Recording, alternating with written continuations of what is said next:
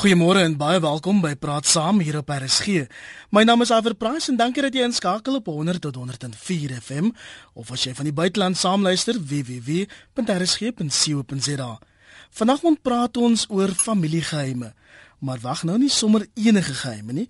Ons praat oor daai geheime wat tussen geslagte heen oorgedra word en dit teen die agtergrond van navorsing wat wys dat ouers dikwels erge trauma beleef, maar nie die nodige hulp daarvoor kry nie. Kinders en kleinkinders wat dan binne so 'n familie groot word, word op soveel verskillende wyse geraak en dit deur die impak van die onverwerkte trauma. Die kenners noem dit intergeneratiewe trauma. Ouma en oupa of dan ma en pa dink dikwels dit is beter om sekere traumatiese gebeurtenisse stil te hou. Maar die navorsing wys daar is 'n duidelike verband tussen onverwerkte trauma en 'n disfunksionele en 'n pleinweg siek gesinsstelsel.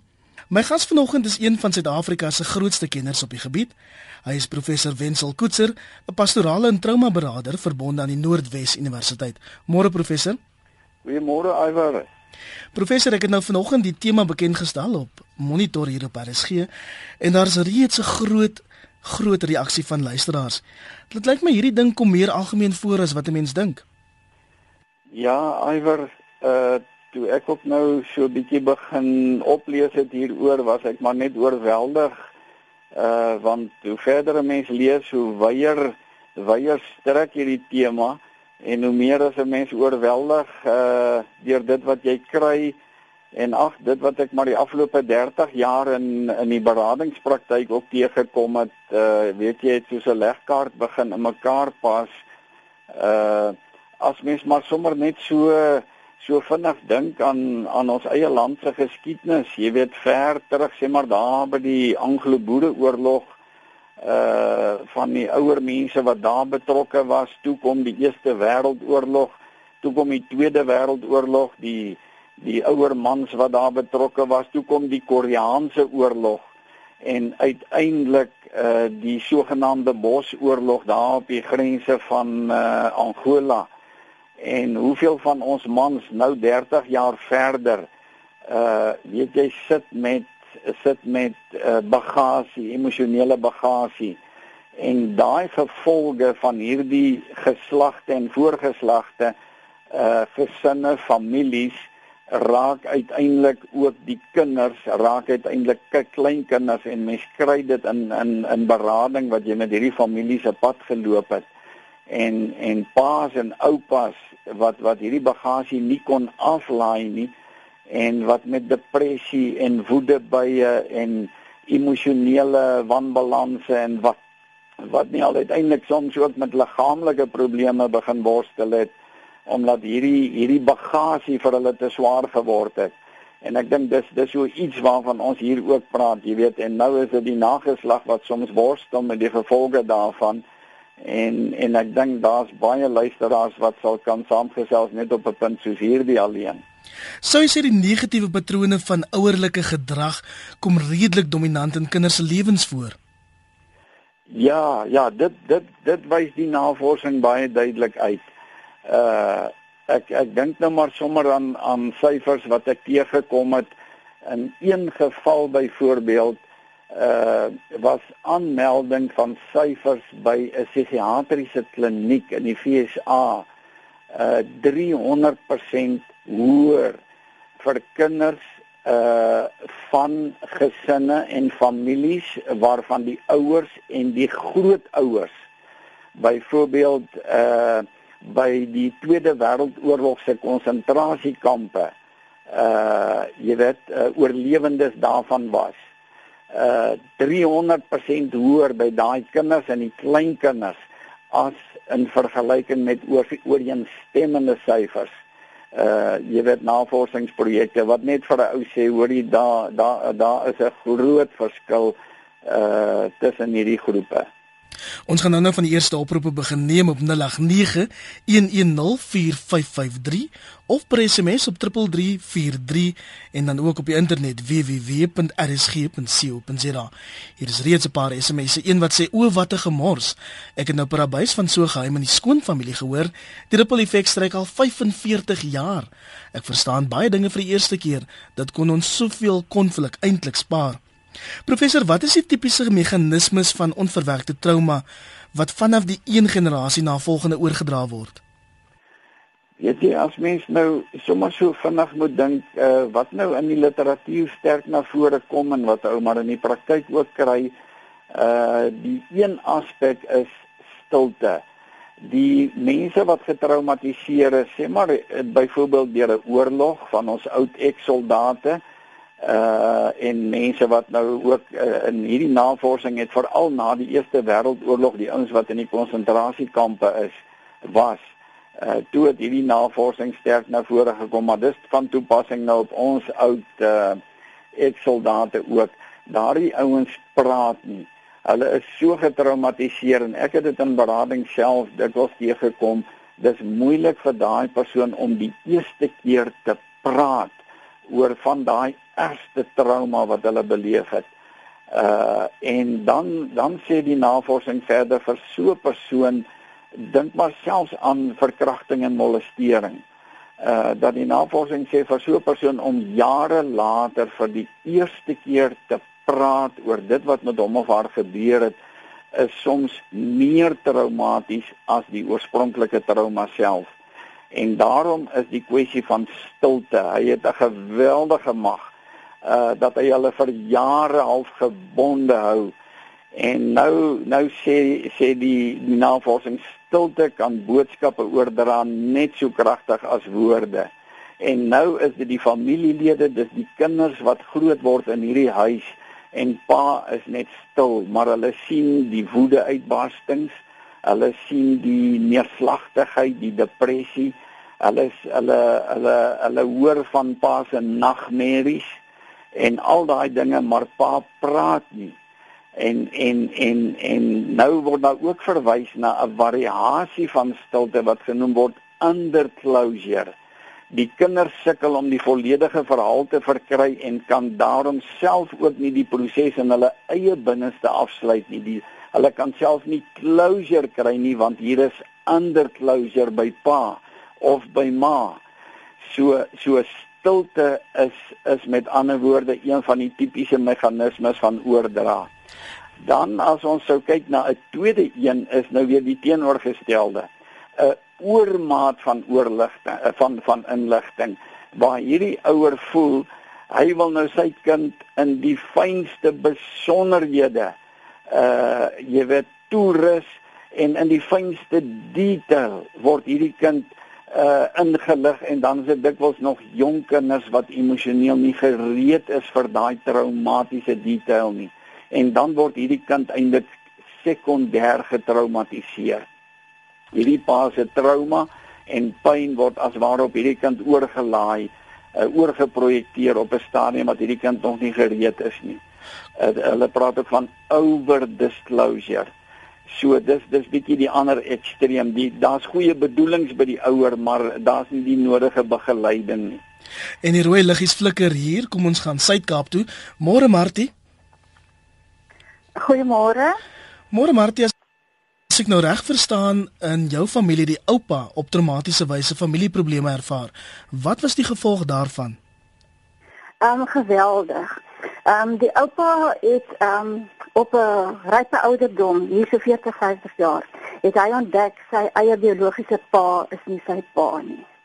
En dit het 'n geweldige invloed op die familie gehad. En die seun uh, dis oorgedra aan hom. En toe het die oupa bankrot gespeel op 'n stadium en dit het 'n geweldige invloed op die seun gehad. En sy seun het ook 'n besigheid begin. Maar dit is baie stresvol en dit is baie moeilik vir hom en die uiteinde was hy probeer selfmoord pleeg. En hulle praat nie daaroor nie. Hulle swyg. Hulle kry woede uitbarstings. Hulle is depressie. Hulle is geweldig neerslagtig. Hulle kan nie met familie gesels of hulle weet nie hoe om hulle vrouens en kinders te behandel nie. Ehm um, dit het baie invloed en die seun het ook 'n seun en uh, miskien word dit oorgedra op die sesde geslag. Hulle kry geen berading nie, wil geen hulp ontvang nie, want dit is skande. En mans gaan nie pille drink of gaan beraders doen of veel kinders doen, want ek kan dit hanteer, maar ek kan dit glad nie hanteer nie. Dit gaan aan en aan en aan. Dis nou die vyfde en sesde geslag. Baie dankie dat jy jou storie met ons gedeel het, Martin in die Suid-Kaap. Professor, hier reaksie? Alhoewel as ek as ek uh, reg gehoor het, dan klink dit vir my die kern van die probleem was die, die oorspronklik die die nuus dat hy 'n aangenome kind was. Het het ek reg gehoor? Dis reg.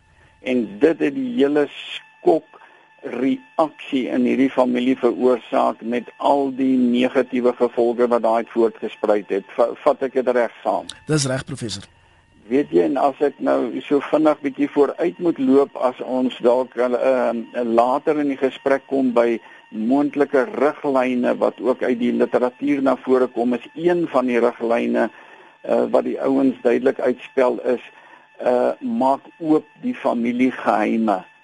Uh, en in begeleiding ook is dit nogal 'n algemene riglyn wat die wat die beraders gee uh maak so gou as moontlik waar 'n ou betrokke raak ook by 'n uh, kom ons sê disfunksionele gesin en selfs by jong mense, jy weet, en jong mense wat hulle self sny en en en daai tipe problematiek waar jy met die kind en met die ouers betrokke raak om dan te vra wat is die familiegeheime en is hierdie jong mens nie dalk 'n aangenome kind en die inligting is weerhou van hierdie jong mens en dit moes dalk al bekend gemaak geword het.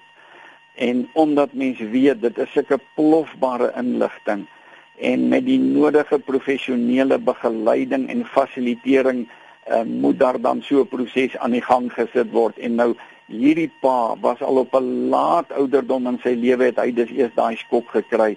En en dit illustreer net vir 'n mens die die ontploffende effek jy weet in in 'n familie en dis dis so jammer dis so jammer dat hy nie as jong seun jy weet met die nodige begeleiding jy weet deur daai proses kon geneem gewees het en dan het dit nie later in sy lewe ontplof nie. Uh, as as ek dit maar sommer net jy weet so kan saamvat. Ons praat nou baie vanoggend oor die rol van mans maar Rosie is in die verhaal driehoek en Rosie jy vind dit redelik bevrydend om sekere dinge met jou ma te deel. Môre Rosie. Um Hallo.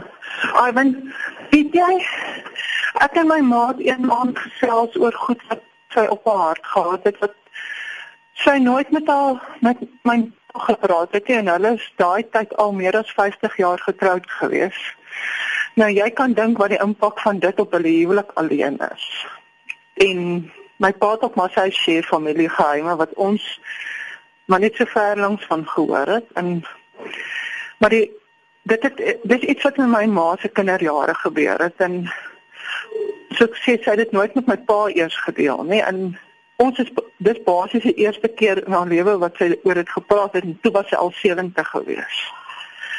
En ehm um, dit het vir my baie dinge verklaar want dit is maar altyd so 'n slegte reuk in die lug hang wat ag toe toe sy het my vir my vertel dat en ek nou mooi gaan sit en dink dit oor dit wat dit al vir my kan beteken en vir haar en alles.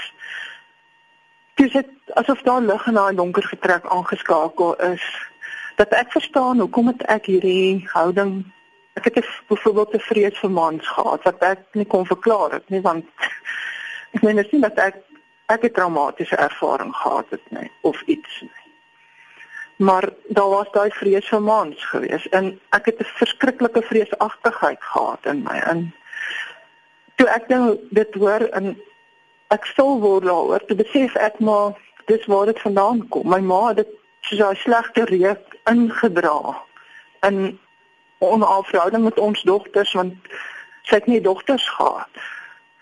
So jy kan dink dit het dit het 'n baie groot impak op ons as jong meisies gehad sonder dat sy dit besef het. En die verhouding tussen my pa en haar het baie verbeter na sy met hom begin praat het oor hierdie goeters en dit het vir haar ook baie rustiger mens gemaak. Baie dankie dat jy jou storie met ons gedeel het, Rosie en Vaal Driehoek. Sy beskryf dit as 'n slegte reuk wat saamgedra word. Anoniem in Kaapstad, goeiemôre.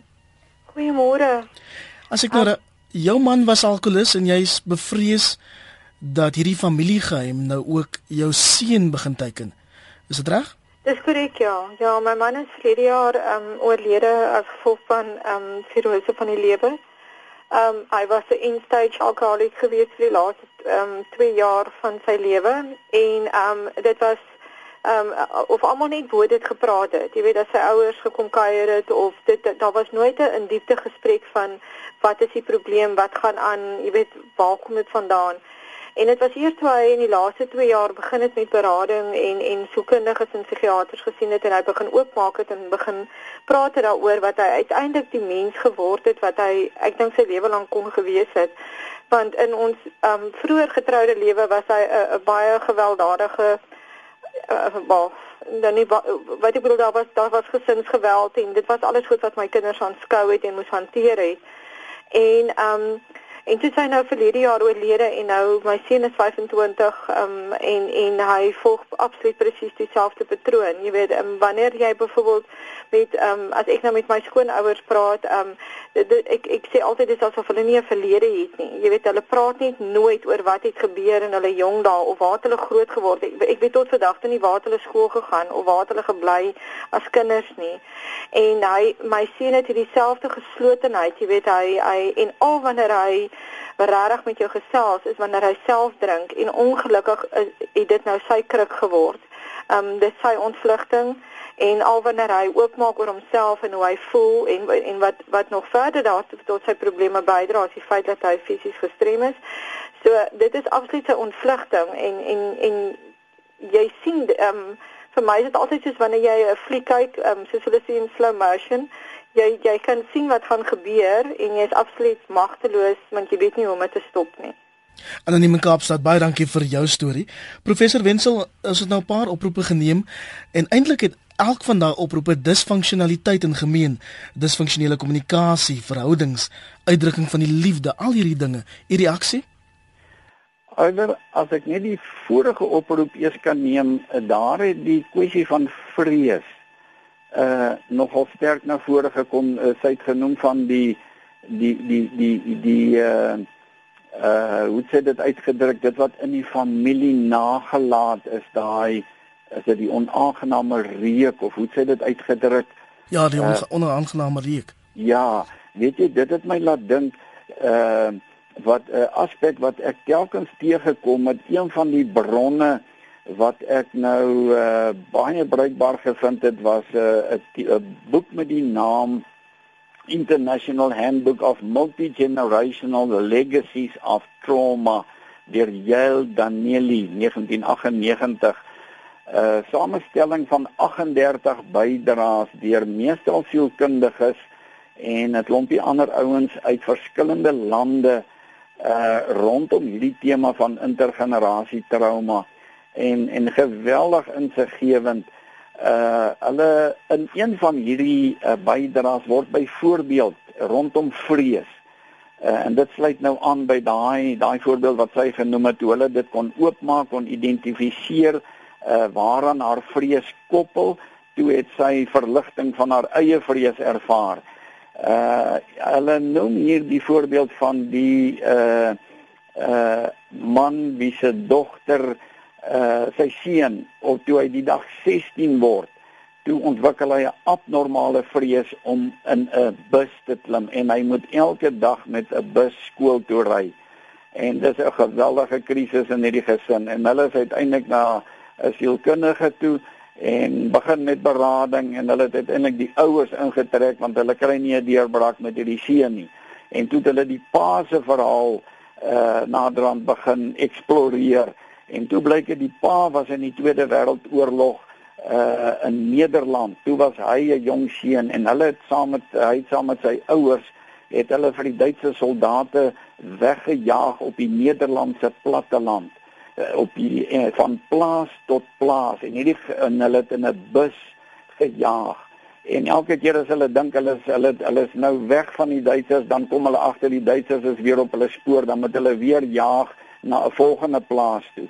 En daai angs en daai vrees en daai trauma uh is nooit hanteer nie. En na en hulle het oorleef en hy is toe na die oorlog getroud en hierdie seun is gebore. En daai pa was 16 jaar oud toe daai traumatiese ervaring plaasgevind het. En toe sy seun die dag 16 word toe uh, oornag ontwikkel hy 'n vrees om in 'n bus te klim. En toe hulle in hierdie beradingsgesprek en terapie hierdie pa se verhaal identifiseer en met die pa vir die eerste keer deur sy oorlog trauma werk. Uh toe kon hulle terugkom na die seun se vrees en deur dit werk en toe klaar die seun se trauma op. Weet jy en dit uh dit dis hierdie dis hierdie beginsel uh identifiseer die die gesin se verhaal en daarom het die ouens ook begin met wat hulle noem 'n geneagram van die gesin, die familie se geskiedenis. So 'n tipe van 'n boomdiagram op 'n stuk papier uh kry die die gesin se volledige geskiedenis, eintlik die familie, die oupas, die grootoupas en oumas en kyk waar was al die trauma, die pyn, die seer en en en en dan te sien hierdie individu met wie jy nou werk hoe gesond of hoe siek is die milieu waar binne hierdie individu opgegroei het en wat het moontlik alles 'n uh, invloed gehad op dit waarmee hierdie persoon nou worstel. So uh ek dink dit is nogal belangrik. En dan die uh die tweede vraag oor die uh die alkoholisme uh nou goed alkoholisme is natuurlik uh uh 'n uh, 'n uh, probleem met met baie kante maar hier klink dit vir my dat daar moontlik ook onverwerkte trauma mag wees. En as ons nou ook weer kyk na die riglyne rondom hierdie hele saak is is verdere riglyne kennis oor die verlede. Dat ons sê kry soveel moontlik kennis oor die verlede en tweedens wonde van die verlede moet hanteer word. En en nou sy genoem daardie persoon en ook die uh, die skoonouers uh of die ouers uh is geneig om alles toe te maak oor die verlede. Hulle wil nie praat oor die verlede nie. En heel waarskynlik lê daar belangrike leidrade in daardie verlede. En as mens net op die punt kan kom waar waar daai persoon die verlede kan oopmaak en ou dalk daar leidrade kan kry en te sien wat is daai snellers wat elke keer die die die wonde uh aktiveer. Dit is asof daar 'n septiese wond is en hy word net elke keer toegemaak dan dan gaan hulle dalk vorder. Uh jy weet en nou word die die alkohol word dalk net die ontvlugting, die emosies word elke keer bereik breekpunt en die alkohol word 'n manier van ontvlugting van hierdie emosies op die kort termyn want hulle kan nie meer die hy kan nie meer die emosies hanteer nie. Suzette se boodskap op www.rsg.co.za. Suzette skryf hierdie onderwerp raak my raak in my hart en siel. In ons familie daar 'n gebeurtenis plaasgevind in die vroeë 1950 1950s wat verskriklike opslaa maak tot vandag. My suster is van jaar 72 jaar oud en sy was vanaf die ouderdom van 12 tot 15 gemolesteer, later verkragt deur 'n oom van ons wat deur my ouers ingeneem was omdat hy geen ander heenkome gehad het nie. Sy was gedreig dat indien sy sou praat, my ouers uitmekaar sou gaan want dit was my moeder se broer. Sy het stil gebly en het eers in 2000 na my moeder na my moeder se dood sielkundige hulp gaan soek waar die beraader aanbeveel het dat sy die oorlewendes inlig want die oom is reeds in 1984 oorlede. Sy het toe my tannies daarvan vertel vir my en my broer. Niemand wou haar glo nie en die tannies vermy haar soos die pes. Ek weet sy praat die waarheid. Ek sien haar trane en wat dit aan haar en haar huwelik gedoen het. Goeiemôre aan Wiekie in Kaltenwil. Goeiemôre, Iwe. Wiekie, jou pa se leuns het veroorsaak dat sy seun ehm um, iets oorgekom het. Wat het daar nee, gebeur? Hy het hom vervreem van my. Vervreem. En sy pa het hom vertel dat hulle dat ek iets weggeloop, maar sy pa het my ehm um, vir baie jare verbaal vir eh, ehm uh, um, verniel. En ehm um, ek so ek kan nie na hom toe gaan en en met hom praat nie. Hy wil niks hoor nie. Hy wil nie wil niks luister nie. En die ehm um, hospitaal waar eh, waar ek voorheen behandel was is 'n psigiatriese hospitaal. Die matrone daar was die is die oorsaak. Sy het ehm um, vir die uiteindelike opbreking van van die huwelik. En ehm um, vandag is weer een van daai dae wat ek net voel ehm um, alles is net te veel vir my. Uh, ek wil net weet is daar 'n ander ehm um, instansie waarheen 'n mens kan gaan? Ehm um, ek sal nou by professor Koetser hoor. Dankie vir die bydrae Wiekie en Carlton wil. Professor, u reaksie op die twee ehm um, Suzette se boodskap en dan Wiekie se oproep? Uh Iwer uh sien dit eers weer uh uh daai die die eerste die eerste een vat dit net weer vir my saam. As ek nou reg onthou, was dit Suzette se storie en dit gaan oor 'n trauma van jare gelede in die vroeë 1950s o, wat verband hou ja, ja. met molestering van ja, toe sy 12 ja. of 15 was. Ja, weet jy, daar is so baie so baie sulke verhale wat deesdae al meer en meer na vore kom en en ek weet nie of is dit dalk deesdae makliker vir mense om te praat daaroor as in die verlede maar dit is net oorweldigend. Dis oorweldigend uh sommige syfers verwys na 1 uit 3 vrouens 1 uit 3 mans en seun 1 uit 4 mans en seuns wat eintlik oorweldigend is. En daardie is maar net een een van die van die baie gevalle. Uh weet jy en nou is die ander hartseer saak selfs waar mense skuldig bevind word en hulle kry tronkstraf uh het ek in die praktyk gesien dan kom die ouens uit die tronk uit en dan is die probleem nie noodwendig altyd opgelos nie. En en die probleem woeker voort.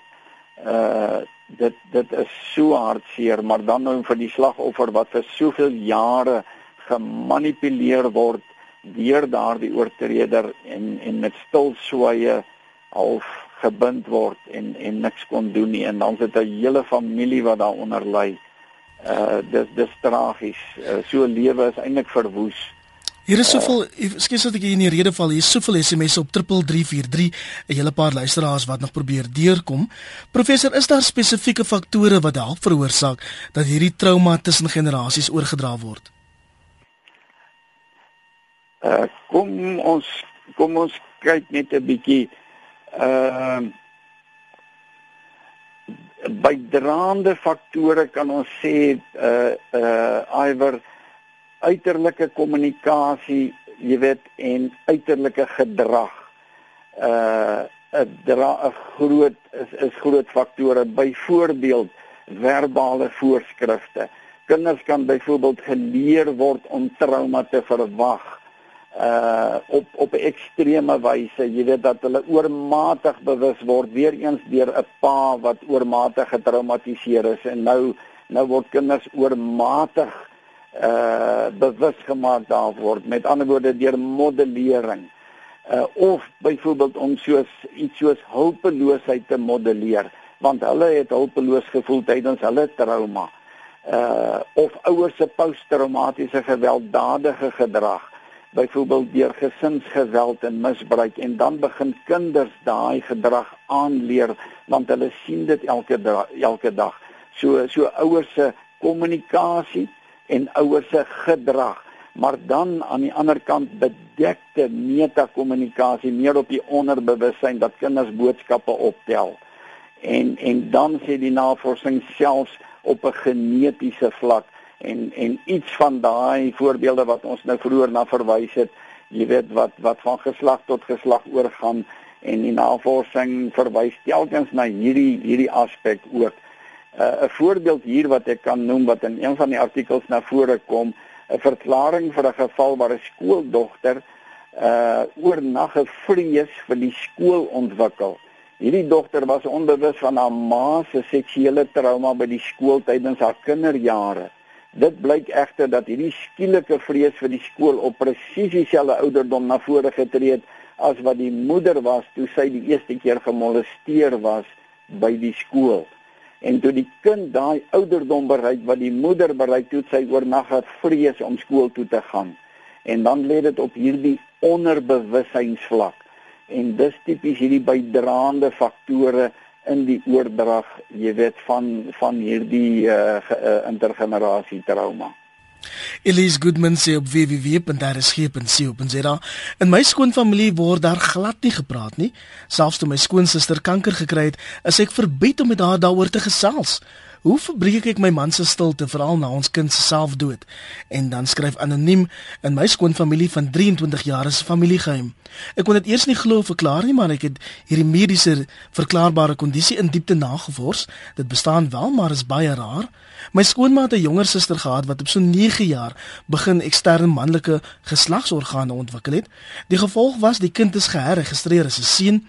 Glo my daar is 'n mediese verklaring daarvoor, skryf anoniem, maar dit is geheim gehou. Toe ek swanger is, is dit deur my skoonma aan my in die geheim gedeel. Vir my was dit onbeskryflik traumaties. Drogbeelde dat dit oor erflik is, het my nagte wakker gehou. Ek het gelukkig net seuns, maar nou is dit my geheim.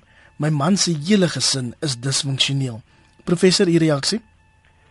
Nou daar die kom ons sê die beginsel ons maak toe en ons praat nie veral soos daardie eerste persoon gesê het uh dis dis dis 'n ongeneeslike siekte en daar mag nie daaroor gepraat word nie weet jy in berading het ek soveel hartseer hieroor gekry en heel dikwels uh is is iets soos neerslagtigheid uiteindelik depressie een van die gevolge by van van die gesinslede of van die betrokke persone. As jy 'n deksel op hierdie ding sit en jy kan nie uitings gee aan jou diepste emosies van ontsteltenis en en en en en om om om aan daai emosies te wil uiting gee nie dan kom hy op 'n ander manier skree hy dit uit die die ouens praat ook van acting out behavior uitreageer gedrag. En dis een van die kenmerke ook van hierdie intergenerasie trauma. Uh hy word aangegee sê die sê die navorsing as die vorige geslag hom nie hanteer nie. Word hy onbewustelik aangegee na die volgende geslag en dan word dan reageer die volgende geslag hom soms deur hulle gedrag uit of deur hulle liggame en jy kan met liggaamlike simptome jy kan siek word. En jou liggaam kan hom uitskree. En dan kan hy in jou liggaam deur fisiese simptome in die ouens kan begin siek word en dan hulle van een simptoom na die ander. En en net hierdie simptoom opklaar dan dan is dit weer 'n volgende simptoom en hulle word net nooit gesond nie. Dan is dit tipies hierdie psigosomatiese uh, problematiek en dan is daar 'n dieper wortel. Daar's 'n dieper wortel wat rondom emosionele pyn sentreer. En dis pyn in hierdie familie en hy's gekoppel aan seer en pyn en trauma. En dan moet ons by daai dieper wortel uitkom. As daai dieper wortel wortel hanteer is weet jy dan lei dit dikwels tot fisiese genesing ook as as dit nou jy weet as daar hierdie koppeling is. So die punt is maak weer eens maak oop. Praat oor die goed help mense en soms het hulle fasilitering nodig as dit 'n familie is jy sien dis siek familie reëls en dis ook een van die punte wat ons hanteer is om te gaan vra wat is die familie reëls wat geld in hierdie familie As dit 'n disfunksionele siek familie is, dan is daar gewoonlik baie streng uh sieklike familiereëls. En van daai familiereëls, daar's gewoonlik drie sterk reëls. Die een sê moenie praat nie, moenie vertrou nie en moenie voel nie. Die moenie voel nie met ander woorde onderdruk jou emosies want as jy toegee aan jou emosies dan raak dit moeilik vir ons almal. So onderdruk daai emosies baie diep Moenie mense daar buite vertrou nie. Hulle gaan snaakse vrae vra en moenie praat nie. Want as jy praat, gaan hulle ook begin vra vra. En daai is drie seker reëls en dan moet ons mense help en hulle moet hulp kry. Professor, ek wil nou net terugkom na wat u na verwys as hy sieklike familiereëls, want ek wil gemôre sê aan anoniem in Johannesburg, anoniem jou ma het haar vrese aan jou ja, oorgedra. Ja, my ma het al haar vrese op my oorgedra. Ek onthou my ouers net as 'n ma en pa wat beklei het omdat ek kon nie doen wat my drie bro my broer en my twee susters kon saam met my pa op die perde sport so goed dis verstaan jy? Hulle kon deelneem aan dit. Ek kan nie ek was vir alles bang. My ma die vriese en toe ek nou ouer word getroud is my man kon dit ook nie aanvaar nie. En toe gaan ek na sielkundiges en vertel nou vir hulle dit moet wees omdat my ma jy weet dit uh, al iewers my bang gemaak het ook vir alles. En hulle sê toe my ma die vrese op my oë gedra. Dis ek getroud, my man kon dit ook nie aanvaar nie, kan jy verstaan nie? Dit is maar uh, simpelheid en toe ek twee kinders en ek kan nie vir die Here genoeg dankie sê nie. Ek het dit glad nie op hulle oë gedra nie. Hulle moes my gehelp het. Daar was tye wat ek nie alleen kon werk toe stap nie. Ek kan nie hier alleen nie. Ek het die verskriklike vriese wat oor my kom daai dit spoel so oor jou. En uh hulle het ek het nie op hulle oë gedra nie en my twee kleindogters is ook al twee groot mense ook nie op hulle nie. Dit is my wonderbaarlik. Ek kan dit nie glo nie. Baie dankie dat u die storie met ons Ja, ek deel dit met julle om te sê, myne het daar gestop. Maar ek, ek lewe 'n normale lewe. Ek uh, ek probeer want ek weet nou. Ek weet nou, dis sommer, dit sommer net verliese. Ek hoef nie bang te wees nie. Ek kan stap waar ek wil, ek stap die hele wêreld vol en ek gaan oral. Ek red self oorwin. Baie dankie sterkte vir u.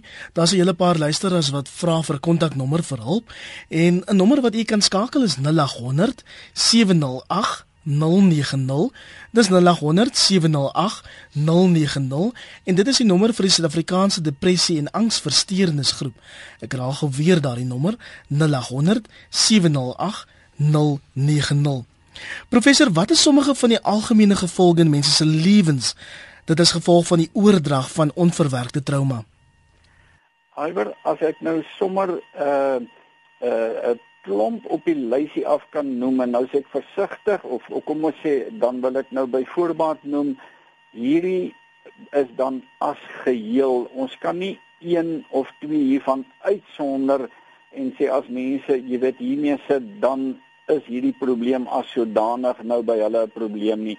Dis as hierdie tipiese simptome in geheel aanwesig is en dit uit die familie se geskiedenis verder sou blyk jy weet dat daar vooraf 'n uh, eh, trauma trauma in die familiegeskiedenis by hierdie persone was en daar ook professionele begeleiding is dan dan kan dit deel van die groter prentjie wees.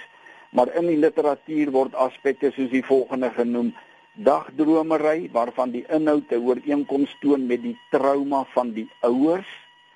Uh so dis dieselfde trauma waaroor hierdie kind droom elke dag of baie baie sit in top skuldgevoelens en selfmoordneigings. Dit is gevoelens van hulpeloosheid en hopeloosheid en dis tipies nou by die kinders van getraumatiseerde ouers of grootouers ongelukke en fatalistiese lewensuitkyk posttraumatiese stresversteuring en gekompliseerde trauma. 'n kind wat die ouer rol oorneem. So dis dis kinders wat soms ook nog op 'n ouderdom is waar hulle nog nie gereed is om om om om die ouerlike rolle oor te neem nie maar hulle hulle neem dit al oor op 'n te jong ouderdom. Hulle neem as ware verantwoordelikheid vir die ouers want hulle sien hoe getraumatiseer is die ouers oormatige skuldgevoelens namens hulle ouers, angs en aggressie wat hierdie kinders beleef want hulle hulle is dag vir dag blootgestel aan die angs en aggressie van hulle ouers, identiteitskrisis by die kinders, swak selfbeeld, minderwaardigheid, nagtelike drama as gevolg van slaapwandeling by die kinders wat al meer getraumatiseer word, emosionele onttrekking, gevoelens van 'n ingeperkte toekoms dis kinders wat getraumatiseer is deur hulle ouers se trauma en die kinders voel daar's nie meer vir hulle 'n toekoms nie. Slaapprobleme, die behoefte om in die verlede te leef en hul ouers se vernedering, skande en skuld te verander in oorwinning oor die onderdrukkers. Die fantasiewêreld van so 'n kind word dan 'n replika van die ouers se traumatiese ervarings. So so die kind leef hom al meer in in die ouers se wêreld en dan sê die literatuur Hierdie kind se identiteit word so eenheid met die ouers se identiteit, die kind verloor sy eie identiteit. En dan praat hulle ook van 'n verlore generasie. Ja, 'n verlore generasie en dan swak konsentrasie vermoë, die geneigtheid om illusies rondom hulle self en ander te bou. En die laaste enetjie, geen duidelike grense tussen ouers en kinders nie. En dis waar ons praat van 'n verlore generasie. Kristal is in Bloemfontein en Kristal het 'n groot geheim. Kristal, dis 'n ongeluk en jy het 'n groot vraag. Moet 'n mens stil bly? Môre Kristal. Môre. Ja, ek wil baie graag weet, my meisie was in 'n ongeluk vir 2 jaar was en al 5 swentjies is almal geamputeer. Nou, die stil bly. Ek het dit lanklik uit sy besluit om stil te bly daaroor en sy steek dit totaal weg en ek het uitgelap by die skool het agteraan genardloop en hom gespot en gooi. Jy weet as kinders, um, jy het tog nie tone nie en wat. Dit het my gekos om haar uit te haal uit die skool uit en ek het aan 'n nuwe skool moet sit. En nou bly sy stil, maar ek sien dit onderdruk al verskriklik. Sy doen nie sport nie, sy steek dit nou totaal weg. Ek dink sy is bang vir dat dit weer uitkom. Nou ek het geen idee moet ek los dat sy nog verder dit wegsteek of moet sy oopmaak dat die kinders dit uitvind dat sy self kan wees. Ek sê weet nie wat kan te met daai nie. Dankie vir jou oproep Kristal. Professor, dis presies een van daai dinge wat oor generasies oorgedra kan word. Weet jy alhoewel as ek nou so vinnig moet moet moet raad gee, dink ek 'n uh, 'n uh, 'n goeie uh, sielkundige se hulp gaan dalk nou hier nodig wees vir 'n bietjie begeleiding uh om om dalk so 'n paar sessies met die kind te hê en haar te begelei en hierdie ding goed deur te praat dalk 'n bietjie haar uh, haar maats uh, haar intieme maats te betrek hulle ook te betrek by die berading sessies saam met hulle strategie uit te werk. As ek sommer so vinnig dink as ek nou so 'n kind moes begelei dan sou ek nou haar beste maats ook ingetrek het en saam met hulle strategie uitwerk dalk uh, dalk een of twee onderwysers ook betrek van die skool waarby sy nou is en 'n uh, goeie strategie uitwerk en dan sê goed dit is hoe hulle nou by die skool die ding gaan hanteer sodat sy nie voel sy's alleen nie. Sy moet net nie voel sy's alleen nie. Sy het 'n ondersteuningsraamwerk rondom haar en as daar nou weer een is wat haar spot, dan dan is sy dan's daar 'n groep wat saam met haar is om dit te hanteer. Maar ek dink sy gaan 'n bietjie fasilitering en begeleiding nodig hê. Ehm um, die tyd is besig om ons in te haal maar ek wil gou nog twee boodskappe van luisteraars lees. Die een staan bekend as Sonstraal, Sonstraal met 'n donker storie. Sonstraal sê ek vermoed my my ma het 'n baba opgegee vir aanneming. Ons het met passiewe aggressie van my pa se kant en apatiese ma groot geword. Hulle het hulle bes gedoen maar iets het hulle altyd gehaper. Konfronteer 'n mens jou 79 jarige ma of pa? My broer en suster het baie probleme en ek is geneig tot depressie. Nog 'n luisteraar sê my man is as kind fisies aangerand en mishandel op 'n plaas buite Kroonstad.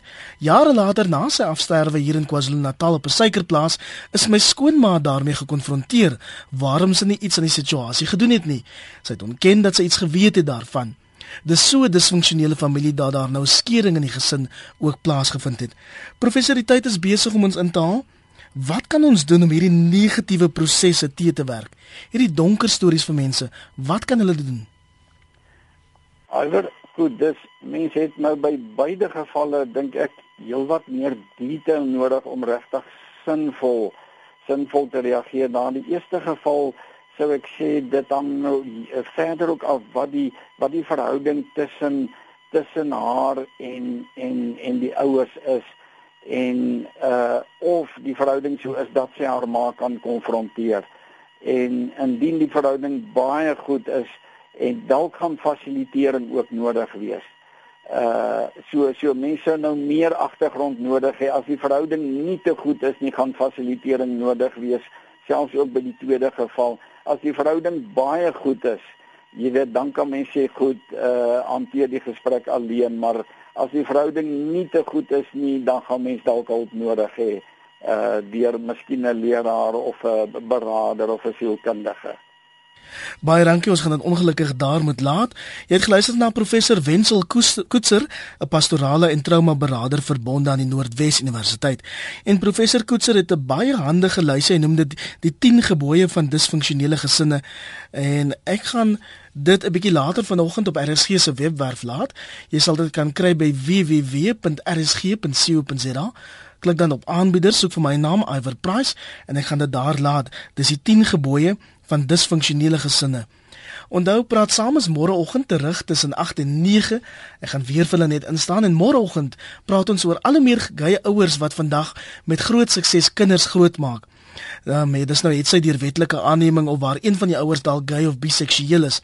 Baie van die kinders doen baie goed in skole en word deur die samelewing daaroor um, aanvaar en môreoggend praat ons met gay ouers en hoor ook wat die kenners hieroor te sê het.